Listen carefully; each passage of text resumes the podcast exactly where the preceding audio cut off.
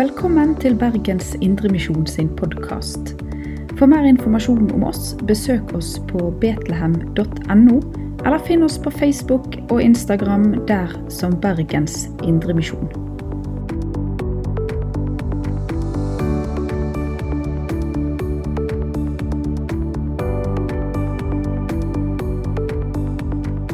God kveld.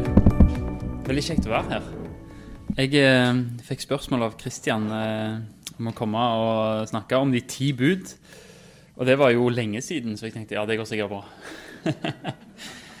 og det gjør det jo. Men de ti bud er noe som jeg jobber veldig sjeldent med, faktisk. Jeg har ikke jobba så mye med dem. Fordi, eh, både fordi det er andre folk som har de fagene på bibelskolen, og så er det noe sånn eh, det er, mye, det er så mye gøy å jobbe med vet du, når en jobber med Bibelen. Så, så blir det sånn. Men det å sette seg ned, det var jo veldig fint. Å sette seg ned med de siste buda og jobbe litt med dem. Eh, Men jeg heter altså Kristian. Jeg eh, bor på Sotra. Jeg har bodd de siste eh, elleve åra.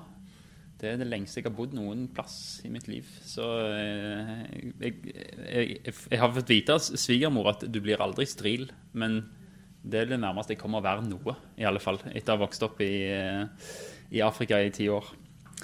Eh, gift med Jeanette, eh, som har eh, veldig mange gode minner fra YA. Eh, når hun gikk her, i, eh, når hun gikk på Danielsen i byen på videregående. Og snakker varmt om tida på YA og de vennene som hun fikk der.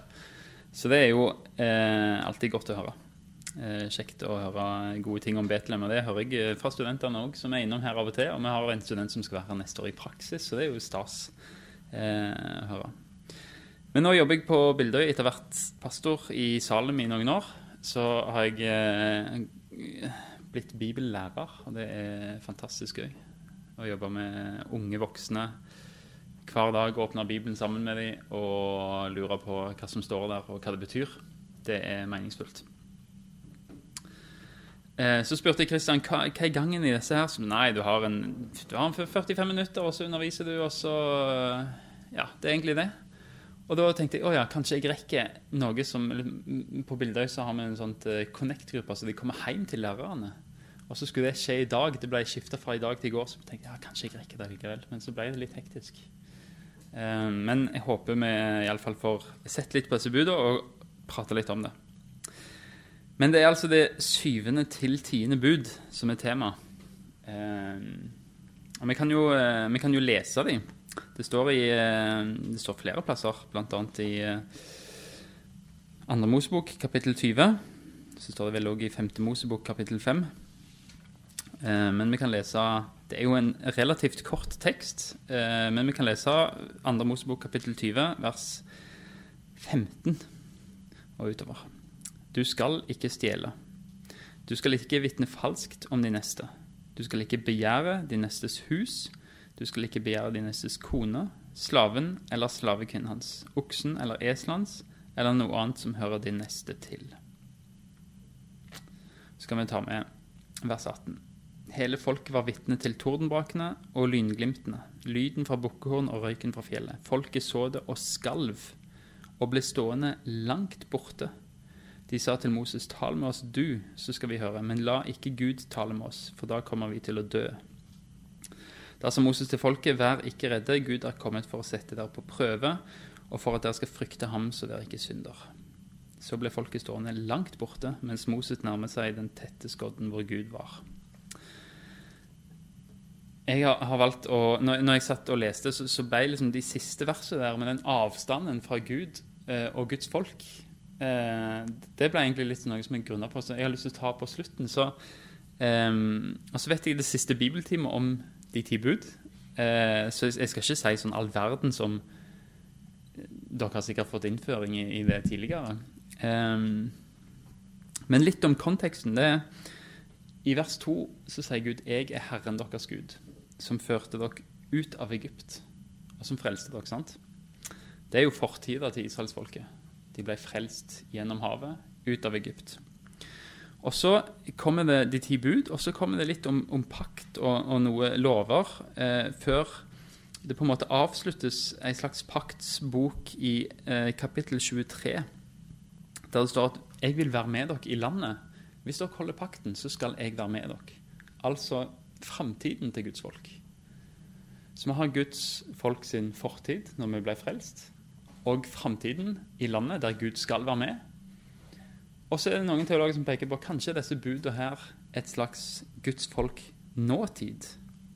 Eh, hvordan vi kan være i stand som et Guds folk som er frelst, som venter på en fremtid, og hvordan vi lever som Guds folk her og nå. Det kan være litt av den konteksten som disse budene finner i. Um, Jesus oppsummerte en gang budene. Du skal elske Herren din Gud av hele ditt hjerte, av all din sjel og hele din forstand, og elske de neste som deg sjøl. På dette hviler hele loven og profetene. Og kanskje så kan vi forenkle og si at de første budene handler om å elske Herren din Gud. Du skal ikke ha andre guder enn meg. Du skal ikke misbruke Herrens navn. Og Kanskje kan vi si at uh, det tredje budet om helligdagen og det om å hedre sine foreldre, det handler om å elske deg sjøl, nemlig å ta hvile. Og det å, å, å um, hedre en sånn arv som du er vokst opp i, og vi vet jo at det er oppdragelse, og det er refs, og det er formaninger, det er bra for oss. Og så kan det være at bud 6 til 10 handler om hvordan kan vi elske vår neste. Eh, og det er jo i de siste der eh, de buda som jeg har fått utdelt, finnes. Det syvende budet lyder 'Du skal ikke stjele'. Et trygt samfunn det avhenger jo at vi anerkjenner at det fins et tydelig skille mellom mitt og andre sitt. Og Hvis vi ikke ser den forskjellen, så, så kan det være ødeleggende for samfunnet. Eh, det betyr ikke at en kristen har en sånn absolutt rettighet over det en eier. For det er veldig tydelig at i Bibelen så at det vi eier, er egentlig Guds sitt, og vi forvalter det. Eh, kanskje en tekst som kan minnes om det, er fra, fra 2. Korinterbrev 8. Eh, det står mye om eh, givertjeneste i kapittel 8 og 9, men det er et prinsipp der som, som jeg har stussa litt over. Altså, og Når en tar det under overskriften 'du skal ikke stjele', så kan det være at du, du får en sånn tanke om går det an å stjele noe som på en måte er mitt allerede, men som en tar fra hvordan Gud tenkte at vi skulle forvalte det. Velkommen. Bare kom inn. Her ser du en gjeng av billedstudenter. Herlig. Her bare stiger på. Vi har kun hatt en intro som vi begynte på bud nummer sju. Dette her er da eh, min flokk fra Bildøy. Kjekt å se dere.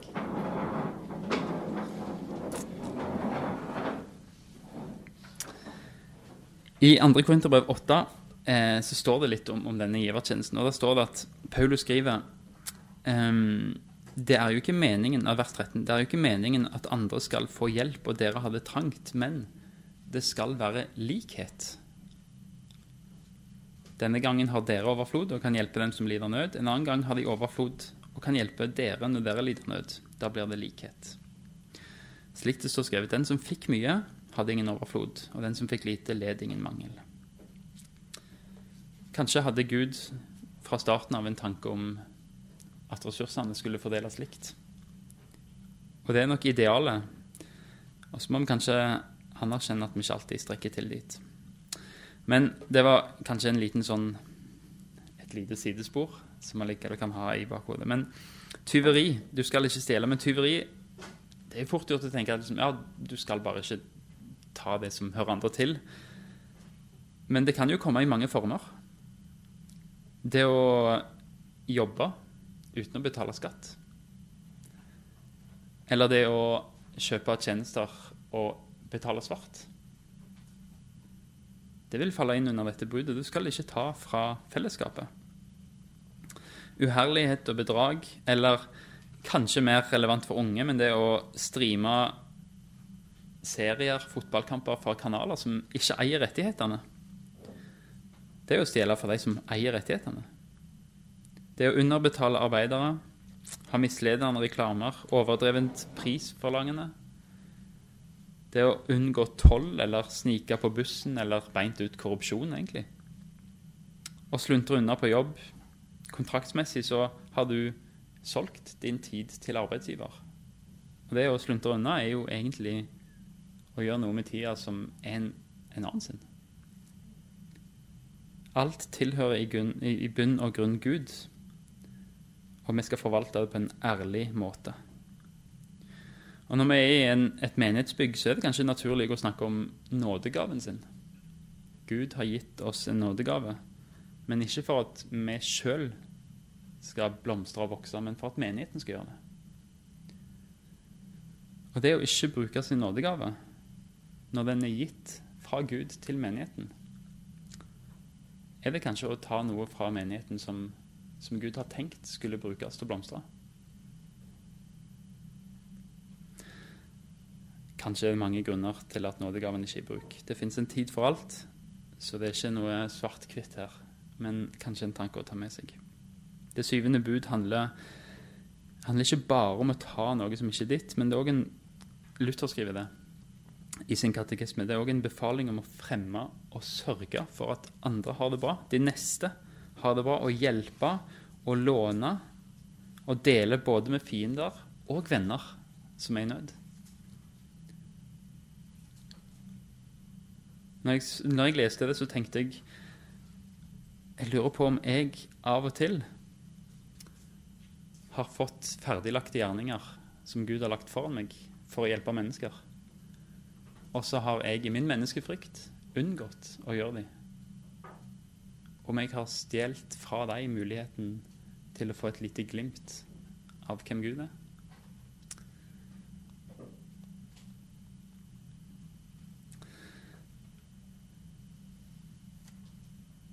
I første Korinterbrev 6 så leser vi noe som, som jeg ofte kan være veldig enig i. Kanskje spesielt um,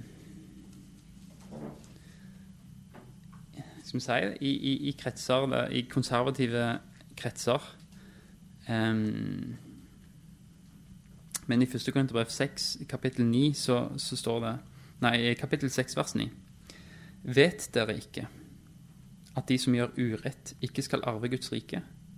La dere ikke føre vill, verken de som driver hor, de som dyrker avguder, de som bryter ekteskapet, verken menn som ligger med menn, eller som lar, lar seg ligge med, tenker vi liksom ja, de skal ikke arve Guds rike. Det er vi kanskje flinke til å til og med stå på barrikadene for. Men verset er ikke ferdig. Det står verken tyver eller grådige, drukkenbolter, spotter eller moransmennesker mennesker arve Guds rike. Vi har en tendens til å rangere synd, har vi ikke? Men Paulus greier veldig mye her. Og jeg, jeg, tror mange av disse tingene er eksempler på synd. Og viser at all synd gjør at vi ikke skal arve Guds rike. Men så er det noe fint å lese i vers 11 at slik var noen av dere før, men nå er dere vasket rene. Dere er gjort hellige, dere er gjort rettferdige i Herren Jesu Kristi navn og ved vår Guds ånd. Så selv om vi kan falle og bryte av disse, så fins det et før og etter Jesu nåde.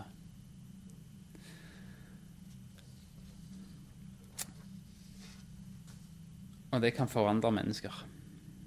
Sånn som Paulus sier at den som før stjal, skal ikke lenger stjele, men skal gjøre noe nytt, nevenyttig, slik at han kan tjene andre. Gud vil forvandle oss. Det var noen tanker om vers 7, og vi springer litt fort gjennom. Og, og grunnen til det er at jeg, har noen tanker jeg har lyst til å dele med dere til sist. Som kanskje kan være med å oppsummere det. De ti bud. Men det åttende budet er du skal ikke vitne falskt om din neste. For budene de har som hensikt, tror jeg, aller først og fremst å vise Guds hellighet. Vise hans karakter. Men òg å beskytte menneskers liv mot de som vil ta liv. Beskytte vår, vårt hjem og vårt familie mot de som vil bryte ekteskapet. Og eiendom mot de som vil stjele. Og det åttende budet vil verne om vår ære og vårt omdømme mot de som vil noe falskt.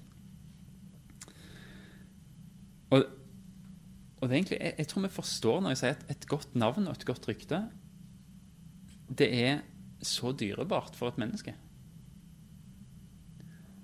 Um, det er sånn barneregler på, på, engelsk som sier at, at, pinner og steiner De kan, de kan brekke beina mine, men kaller du meg noe, så sårer det meg ikke. En sånn engelskregler. Men det er jo ikke sant. Dessverre. Jeg tror Shakespeare hadde mer rett når han sier at du kan stjele pengepungen min, og det gjør meg lite.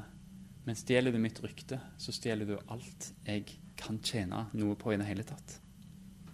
Det å stjele ryktet til et menneske, eller å frarøve et godt navn, et godt rykte, det å stjele, det å ødelegge, og det å tråkke ned.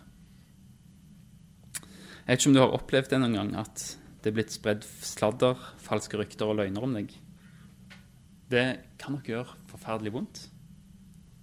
Og det er utrolig vanskelig å gjenopprette skaden av det. Men Gud ønsker å verne din nestes rykte og ditt rykte og ære. Og så gir han oss et ansvar på at vi skal ikke ødelegge andres ære, andres rykte. En romersk soldat hadde et sverd som var forma som ei tunge. Det var, det var, skarpt på begge sider, og så var det spist framme. Og det, det, var det dødeligste våpen til en romersk soldat. Og Bibelen sammenligner tunga vår med nettopp et sånt dødelig våpen. Vi kan lese eh, noen velkjente ord, kanskje fra, fra Jakobs brev, kapittel 3, som viser oss at vi kan gjøre stor skade med tunga. Her er det ikke bare løgn og rykte, men, men her er det òg spott. Men vi kan lese Jakobs brev, kapittel 1, nei, kapittel 3, og vers 1 og utover. Ikke mange av dere bør bli lærere, mine brødre, for dere vet at vi lærere skal få mye strengere dom. Alle snubler vi ofte.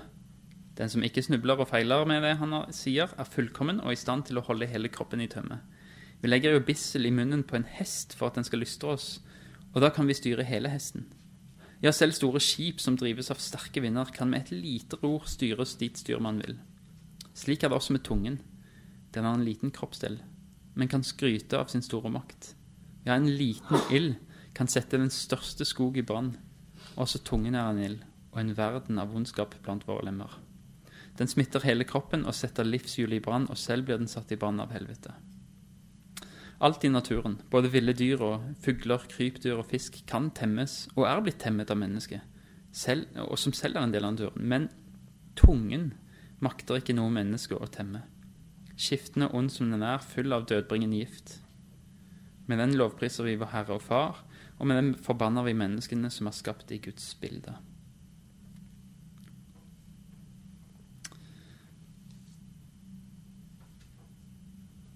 Det er ganske alvorlige ord. Og Jakob har allerede vært ganske alvorlig i, i kapittel 1, vers 26. Den som mener at han dyrker Gud, det er jo oss. Ikke en gudsdyrkelse, en gudstjeneste. Det å være kristen og, og tilbe Gud. Den som mener at han dyrker Gud, men ikke holder tungen i tømme, bedrar seg selv, og hans gudsdyrkelse er uten verdi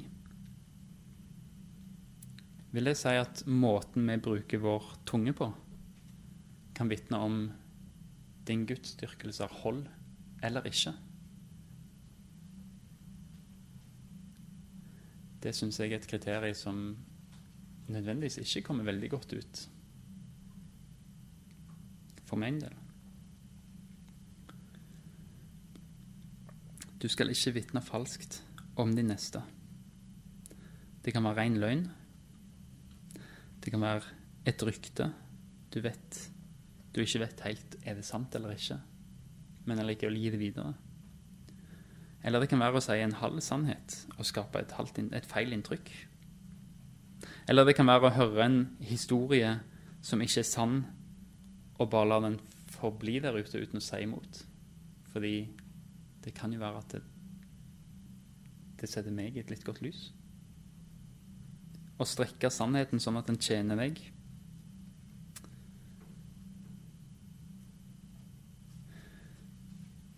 I dette budet så forbyr Gud oss å synde med tunga, sånn at noen på en eller annen måte skader eller krenker sin neste. Det vil Gud at vi skal la være.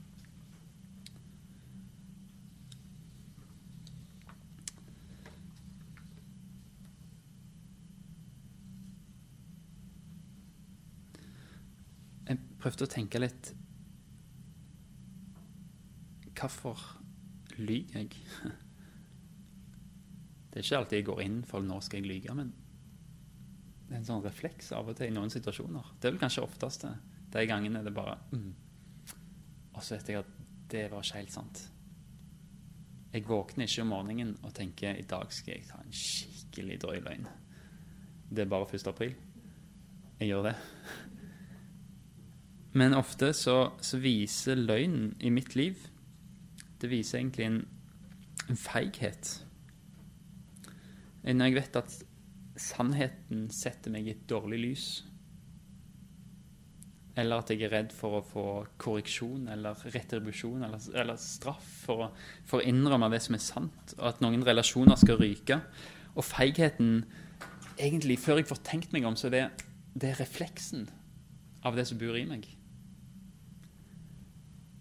Eller at det er fordommer. Jeg vrir fakta til å stemme slik at det stemmer overens med det jeg tenker, fordi jeg vil ha rett. Eller grådighet, at jeg kan jo faktisk vinne på å ikke fortelle sannheten. Og ofte, kanskje oftest, så er det egoisme. hvis den personen blir trykka ned, så kan det være at jeg ser bedre ut.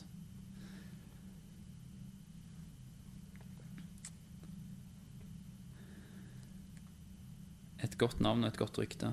Det er veldig lett å ta fra en person, men det er nesten umulig å gi tilbake igjen. Og det har så mye å si for det livet. Derfor er den, den bønnen fra Salme 141, vers 3, en bønn som Eh, jeg trenger å be, fordi det skjer så, det er så refleks å beskytte seg sjøl. Der står det bare et enkelt vers som, som en fin bønn nesten å, begynne dagen med, eller avslutte dagen med, eller hva som helst. Men Herre, sett vakt for min munn, vern leppenes dør. Og jeg tror at jeg, og, og kanskje andre, trenger Den hellige ånd til å være et vern for mine lepper. Fordi av og til så går så fort. Og Jesus har noen tanker om at kanskje det forteller litt hva som bor i hjertet. At løgnen er så raskt på leppene fordi det bor her.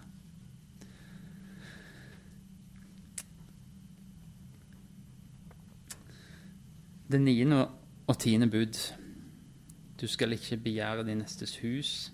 Du skal ikke begjære din nestes kone, slaven eller slavekvinnen hans, oksen eller eselet hans eller noe annet som hører Herren til. i barndommen så, så, var dette sånt Jeg tenkte OK, de trengte bare to bud til for å få det til å bli ti. Dette er jo ikke så viktig. eh, men disse budene her gir oss en helt ny dimensjon. Jeg vet ikke om du har tenkt at eh, de første åtte budene de kan du holde med gjerninger. Med å la være å gjøre noe eller gjøre noe. Men plutselig så retter Gud søkelyset på følelsene våre og viser oss en ny mening. Fra å gjelde et sånn ytre handlingsmønster så dreier søkelyset inn på en indre holdning. Og plutselig, når en ser dypet av det, så ser en at her blir det avslørt en indre hellighet. Eller mangel på en indre hellighet. Du kan ikke bli stilt til retten i Norge for begjær eller for en følelse.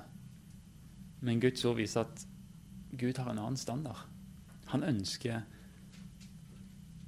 karakter, integritet.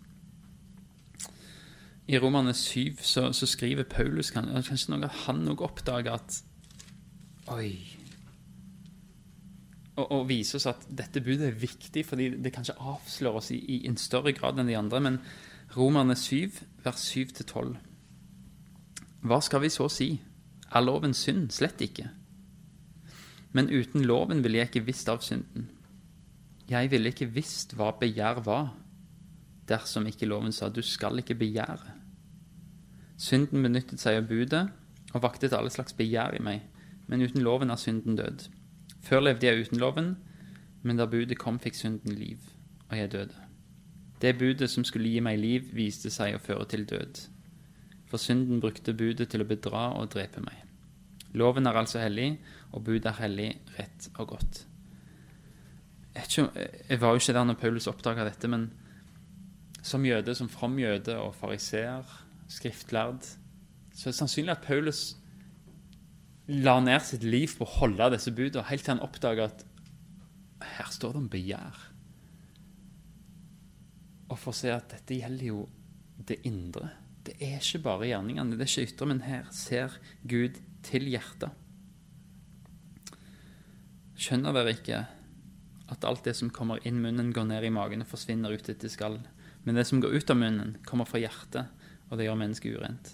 For fra hjertet kommer onde tanker, mord, ekteskap, hor, tyveri, falsk vitensbyrd, spott. Det er dette som gjør mennesket ureint. Jesus visste at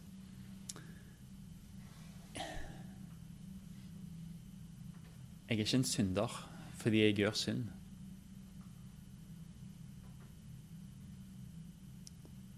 Men jeg gjør synd fordi jeg er en synder. Det er den, det er den jeg er. Det kommer bare til uttrykk i gjerningene mine. Og Det tror jeg det tiende bud viser, at den retter oss inn mot, mot følelsene. Begjær er avgudsdyrkelse. Du higer etter noe mer, tørster etter mer enn det du håper og tror Gud kan gi deg. Det er egoisme og egenkjærlighet. Jeg er viktigere enn andre. Jeg burde hatt. Jeg, jeg, jeg. Og jeg tror den beste måten å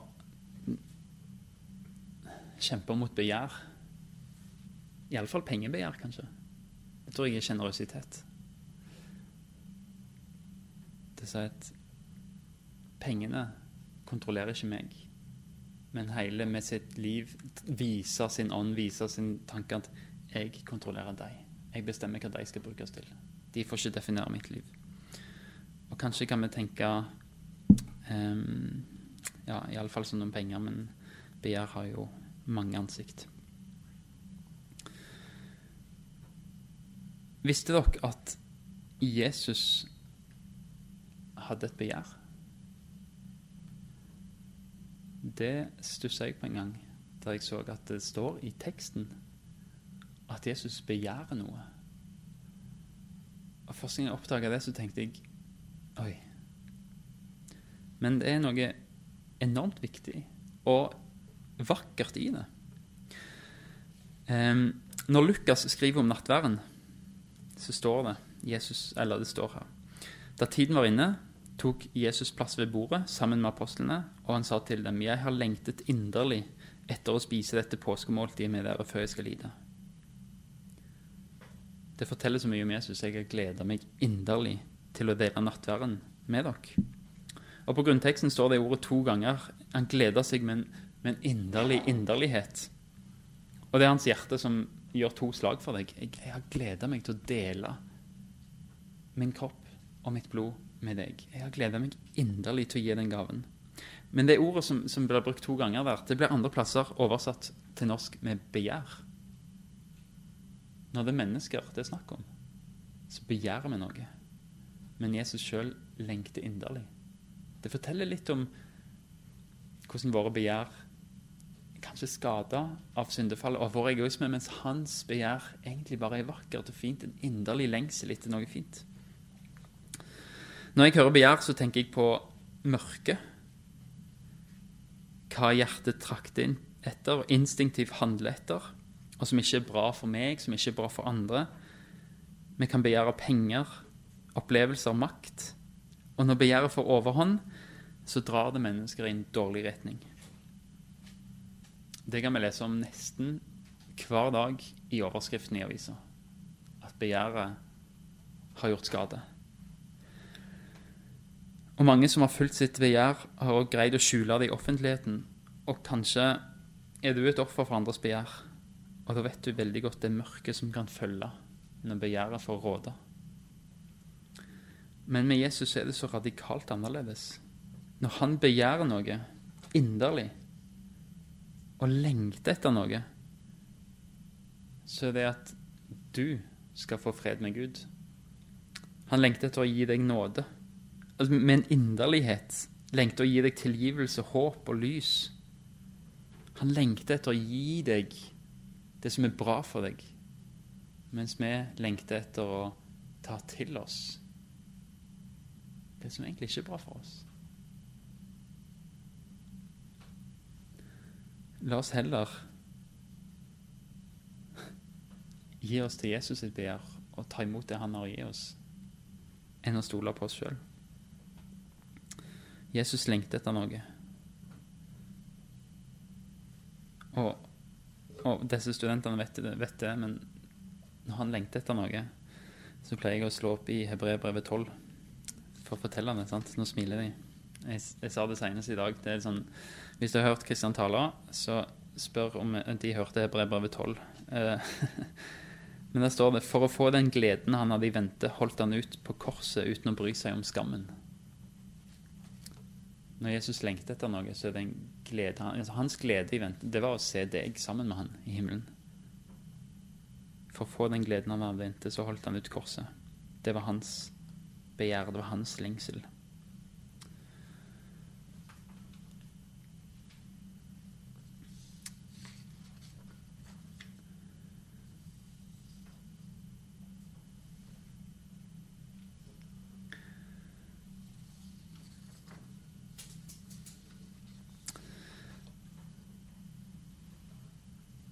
Alle disse budene som dere har hatt om i Begynte dere i, i januar? Jeg, altså, jeg, forstår Det har vært, vært en serie iallfall med ti bud.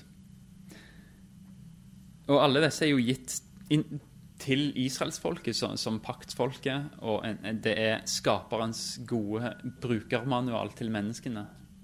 Det er ikke en sånn en tyrannisk 'nå skal jeg herske over dere', men det er mer en, en gave der 'jeg har skapt dere'. Her er brukermanualen på hvordan dere kan leve godt sammen. Sånn får dere det beste ut av fellesskapet av livet. De er gitt til menneskene sånn sett, men det er òg gitt individuelt. Du skal, du skal ikke. Og budene går til deg. Ikke en invitasjon til deg om å være politi. Du skal sørge for at ingen stjeler. Nei. Det er gitt deg til å veilede deg, men òg gitt deg for å speile deg og vise alt som ikke strikker til. At budene er gitt til deg, betyr at du står ansvarlig overfor Gud. Det er ingen å gjemme seg bak.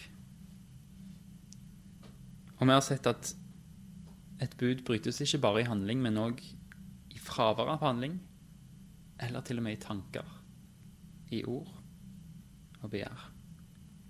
Gud er opptatt av det indre og motivene dine. Og så er budene ti, ja, men det er òg en enhet. Og, og, Jakob skriver den som holder hele loven, men snubler i ett av budene, har gjort seg skyldig i alle. Det er som et smykke. Det bildet har vi kanskje hørt. Budene er som et smykke med perler. Og når det først revner ett, så detter de alle sammen.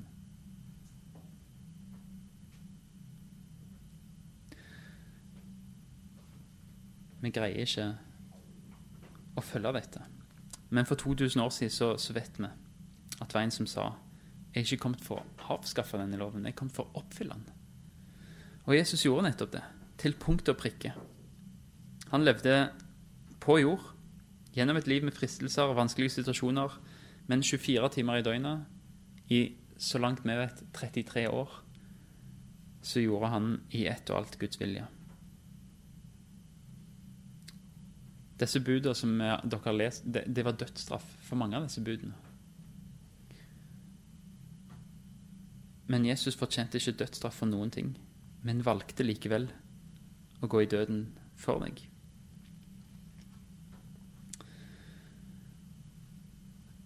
Uten Jesus så burde vi vært vettskremte når vi leste om budene. De forteller oss en, om en hellig Gud, og de forteller oss om at vi er ikke verdige.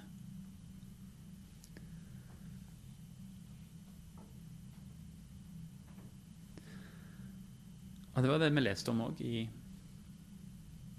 i slutten av de ti bud. Det står at Gud, Guds folk sa vi må, vi må stå på andre sida av sletta. Du, Moses, du må, du må gå og snakke med Gud. Og de var livredde for Gud. Og det står noe om, om nettopp det i Hebreabrevet, kapittel um, Ironisk nok kapittel 12. Mm. Uh, her står det noe om, om om den frykten kanskje som israelsfolket fikk når de møtte Gud, og han åpenbarte seg for dem, og de så hans hellighet. De så fjellet, de så lyn, og de så torden. Og de sprang til andre sida av sletta og sa til Moses du må snakke med Gud. Hvis vi kommer dit, så dør vi. Og De hadde forstått den helligheten som Gud var. De hadde forstått at disse budene de viser at vi ikke er verdige til å være i hans nærhet. Og så skriver forfatteren av hebreerbrevet dere, altså dere kristne, Hebreerbrev 12, vers 18. Dere er ikke kommet til et fjell dere kan ta og føle på. Ikke til flammende ild, skyer, mørke og storm. Ikke til gjallende horn og en røst som talte, slik at de som hørte den, ba om å få bli spart for å høre mer. For de kunne ikke tåle den befalingen som ble gitt. Om så et dyr kommer nær fjellet, skal det steines. Ja, så gruvekkende var synet at Moses sa, jeg skjelver av skrekk. Nei, dere er kommet til fjellet Sion, til den levende Guds by, det himmelske Jerusalem, til titusener av engler, til en høytidsfeiring, til forsamlingen av de førstefødte som er oppskrevet i himmelen. Dere er kommet til en dommer som er alles Gud, til åndene av de rettferdige som har nådd fullendelsen, til Jesus, mellommakten for en ny pakt, og til det rensende blodet som taler sterkere enn Abels blod.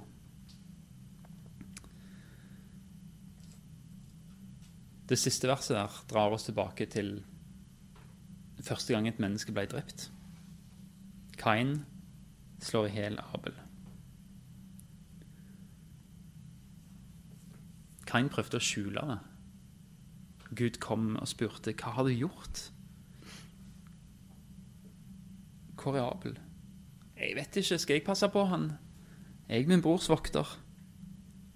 Og så sier Gud til Kain i 1. Mosebok 4. Din brors blod roper til meg fra jorden. Forbannet er du. Nå skal du være bannlyst fra den jorden som åpnet munnen og tok imot din brors blod fra din hånd.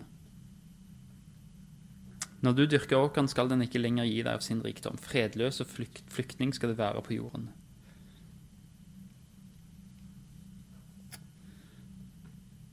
Vi òg prøver av og til å skjule når vi bryter bud. Det er fort gjort. Kanskje det er jo en del av den løgnen som vi ikke skal, egentlig. Gud vil at vi bekjenner. Men vi greier å skjule vår synd til en viss grad, vi kan se ganske prektige ut for andre mennesker. Men Gud er den som ser, kjenner fullt og helt. Hver tanke, hvert ord, hver gjerning. En Gud som er så hellig at når han viste seg for israelsfolket, så sprang de tvers over sletta og nekta å komme nær fjellet Gud var på. Og de var redde for, var redde for at hans hellighet skulle fortære dem. Og så kommer den guden og spør hva har du gjort, Kain?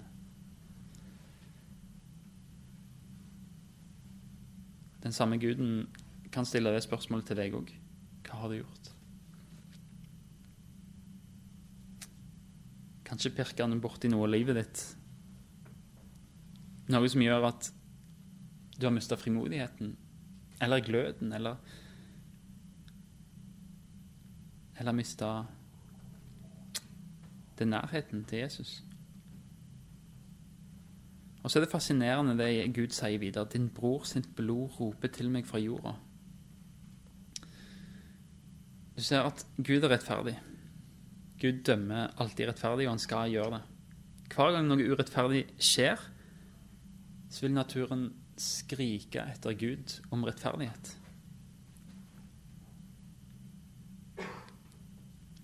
Jeg tror vi kjenner litt igjen fra vårt eget hjerte når vi ser nyheter.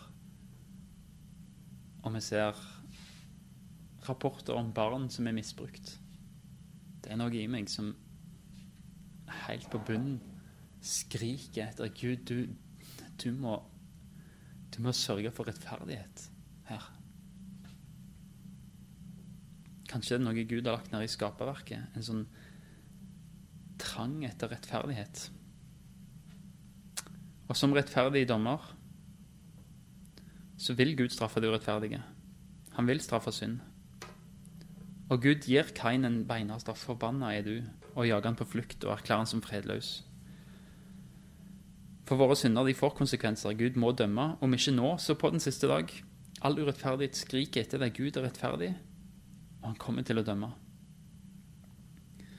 Og de syndene vi har gjort, og konsekvensen av det, det som aldri var i tråd med Guds ord, det urettferdige vi har gjort, det skriker etter Gud om straff, om rettferdighet. Og kanskje hører vi av og til ropet gi gjenklang i samvittigheten vår, der vi vet at dette var galt.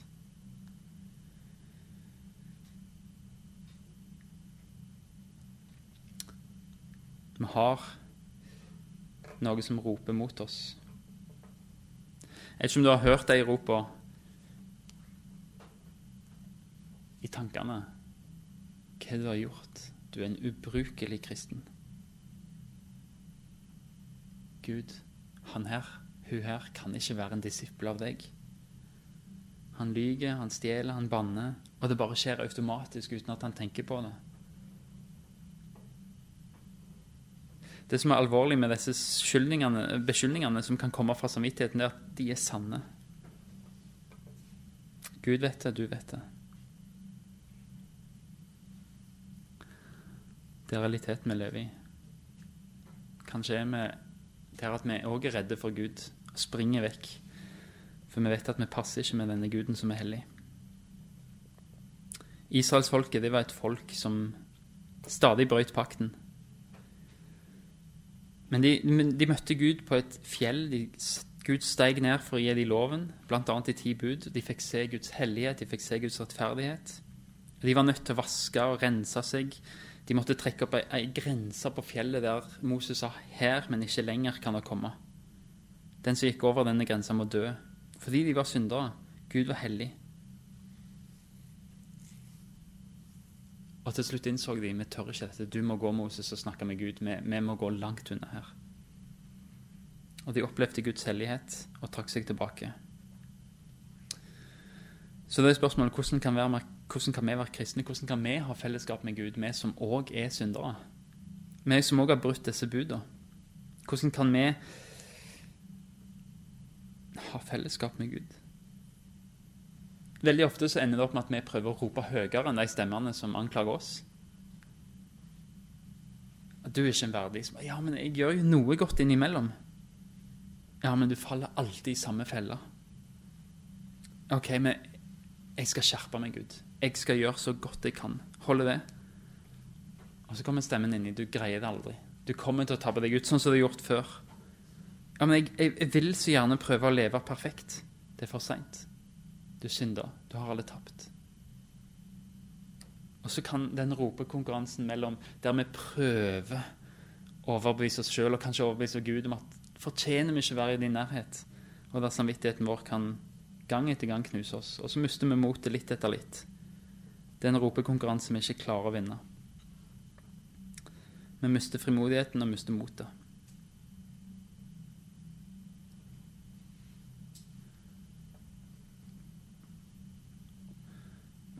Og så var det den setningen i Hebreerbrevet 12.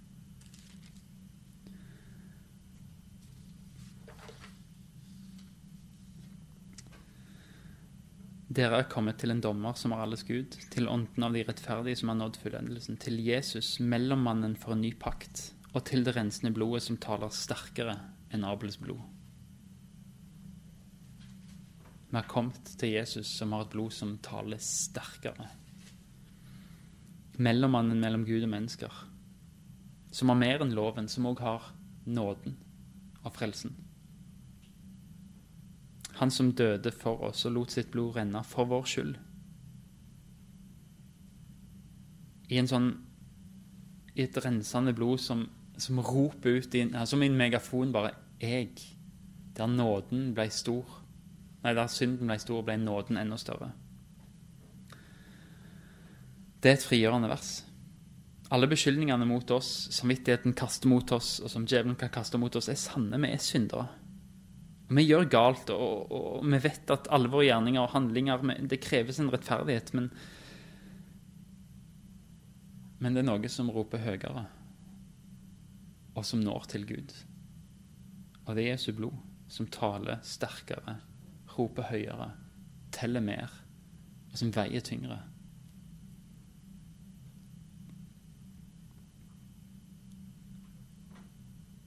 Vi hører stemmen Du fortjener ikke å ha samfunn med en hellig Gud. Du er en synder, uten rett til å nærme deg Han. Men Jesu blod skriker Ja, men alle de som tar imot meg, de gir jeg rett til å bli Guds barn, de som tror på Hans navn. Og samvittigheten skriker at ifølge loven så, så fortjener ikke du nåden. Du fortjener en evig død. Du har synda mot Gud og mot andre mennesker. Og Jesu blod roper ja, men så høyt har jeg elsket verden, at jeg ga mitt liv for at hver den som tror på meg, ikke skal gå fortapt, men evig liv. Samvittigheten vår kan rope du har gjort så mange synder i ditt liv, du kan aldri gjøre opp for det. Og Jesu blod roper nei, men jeg lot mitt blod renne. Blodet som ble utøst for mange, så syndene blir tilgitt. Jeg er Guds lam som bærer bort verdens synd. Alle som tror på meg, skal få tilgivelse for syndene i mitt navn. Samvittigheten kan rope du er en synder, og syndens lønn er døden. Men Jesu blod roper ja. Men min nådegave, det er evig liv. Og Kanskje hører vi samvittigheten prøve seg ja, men du fortjener det på ingen måte. Og der Jesu blod kan konkludere nei, men ufortjent. Og av min nåde blir de kjent rettferdige. Jeg ble stilt fram av Gud for å være soningen for de som tror. Slik viste Gud sin rettferdighet. Der synden ble stor, ble nåden enda større. Og hvis du bekjenner med din munn at Jesus er Herre, og i ditt hjerte tror at Gud har oppreist ham fra de døde, så skal du bli frelst.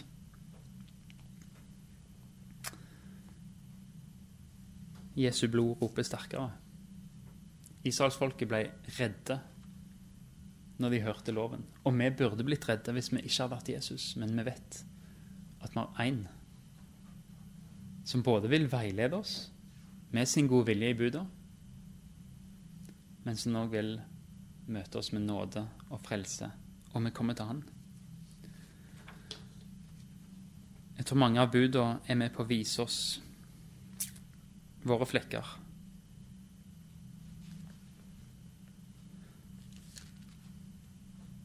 Og så vil Jesus vise seg, kom, la oss gjøre opp vår sak, sier Herren. Om syndene deres er som purpur, skal de bli hvite som snø. Om de er røde som skarlagen, skal de bli hvite som ull. Og så er de ti bud både vakre når de maler et bilde av Guds hellighet, men òg skremmende når de maler et bilde av Guds hellighet. De er vakre når de viser hvordan kan Guds folk leve sammen i fred. Men det er òg skremmende når de viser at det makter jeg ikke. Men så har vi Jesus, som holdt hvert eneste bud, og som levde perfekt. Og som vil gjøre det store byttet med oss, der mitt liv og min synd får jeg gi til Han som tar straffen. Mens hans liv, han som levde perfekt og oppfylte loven, det får jeg å bli barn og få barnekår. Og så kan du si på en måte Her er det ikke to strek under svaret, men en tanke. Kanskje ble de imperativene Du skal ikke ha andre guder enn meg. Du skal ikke stjele. Du skal ikke vitne falskt som din neste. I Jesus så kan vi òg lese de som løfter. Kom til meg. Du kommer ikke til å bli anklagt for stjeling. Du kommer ikke til å bli anklagt for å vitne falskt, fordi du får mitt perfekte liv. Og så blir de ti bud løfter om hva vi kan få, og hva som kan bli vårt liv i Jesus.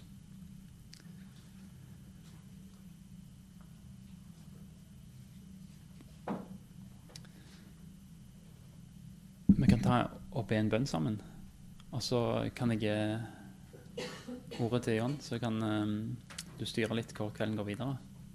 Mm. Herre Far, jeg vil prise deg for fordi at du er den hellige og reine. Du er den som aldri stjeler noe, fordi alt vi har, alt som er, det tilhører deg.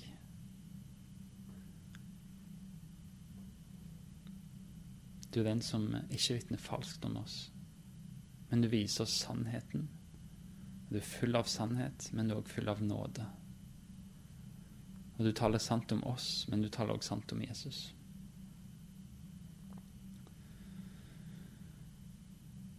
Og så ønsker du at vi skal leve sammen uten å begjære. Og det er så vanskelig.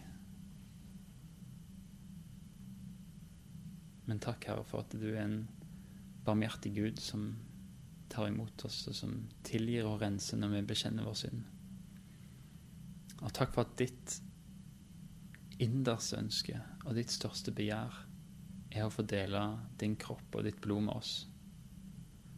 At du holder ut smertene og torturen og skammen på korset fordi at du ønskte å se oss sammen med deg. Jeg ber om at det får være en sannhet som preger vårt liv. La det få være en sannhet som taler sterkt i vårt liv, sånn at når vår synd dømmer oss, når vår samvittighet anklager oss, så la oss få høre ditt nådeord, som tilgir og som renser. Og så ber jeg om at det vekker i oss frukt, at det vekker i oss en lyst. At du jobber i oss både sånn at vi vil og gjør det som etter din gode vilje, og at vi tar buda som en god guide for hvordan vi skal leve for deg. Takk for at du gir buda til de som er frelst, og at målet ditt er at vi skal nå fram og hjelpe oss til å leve her og nå som ditt folk, som respekterer deg, og som ærer deg, og som frykter deg, men som òg respekterer vår neste, vår nestes eiendom, vår nestes rykte, på en måte som vitner litt om hvem du er, her for. Så vil jeg jo be om velsignelse, Herre, for Betlehem. Jesus, jeg ber om at ditt ord får hvile over forsamlingen. Herre, takk for deres vilje til å løfte fram Bibelen på kvelder som dette. Jeg ber om at det får være noe som velsigner forsamlingen rikt. La ordet få bo rikelig iblant de som hører til i Betlehem, og la det få, få være noe som bærer frukt, sånn at de kan skinne som stjerner på nattehimmelen for andre mennesker. Vi ber om at ditt ord ikke vender tomt tilbake, men at ditt ord er virksom i den som tror. Det som er Guds kraft til frelse, av tro og til tro. Og la det få være kjent i Bergen by at sannhet og nåde, tilgivelse og fred er å høre når han snakker om Betlehem takker deg for lederskapet her. Jeg ber om at du velsigner dem og utruster dem, Herre Far, til å forvalte den flokken som du har gitt dem, på en god måte. Jeg ber om at du og Den hellige ånd kan hvile over her.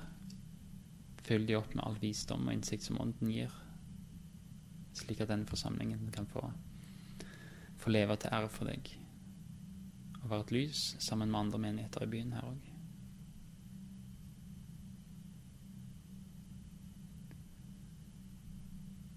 ber vi om Herre Jesus i ditt navn. Amen. Du har lytta til Bergens Indremisjon sin podkast. For mer informasjon om oss, besøk oss på betlehem.no, eller finn oss på Facebook og Instagram der som Bergens Indremisjon.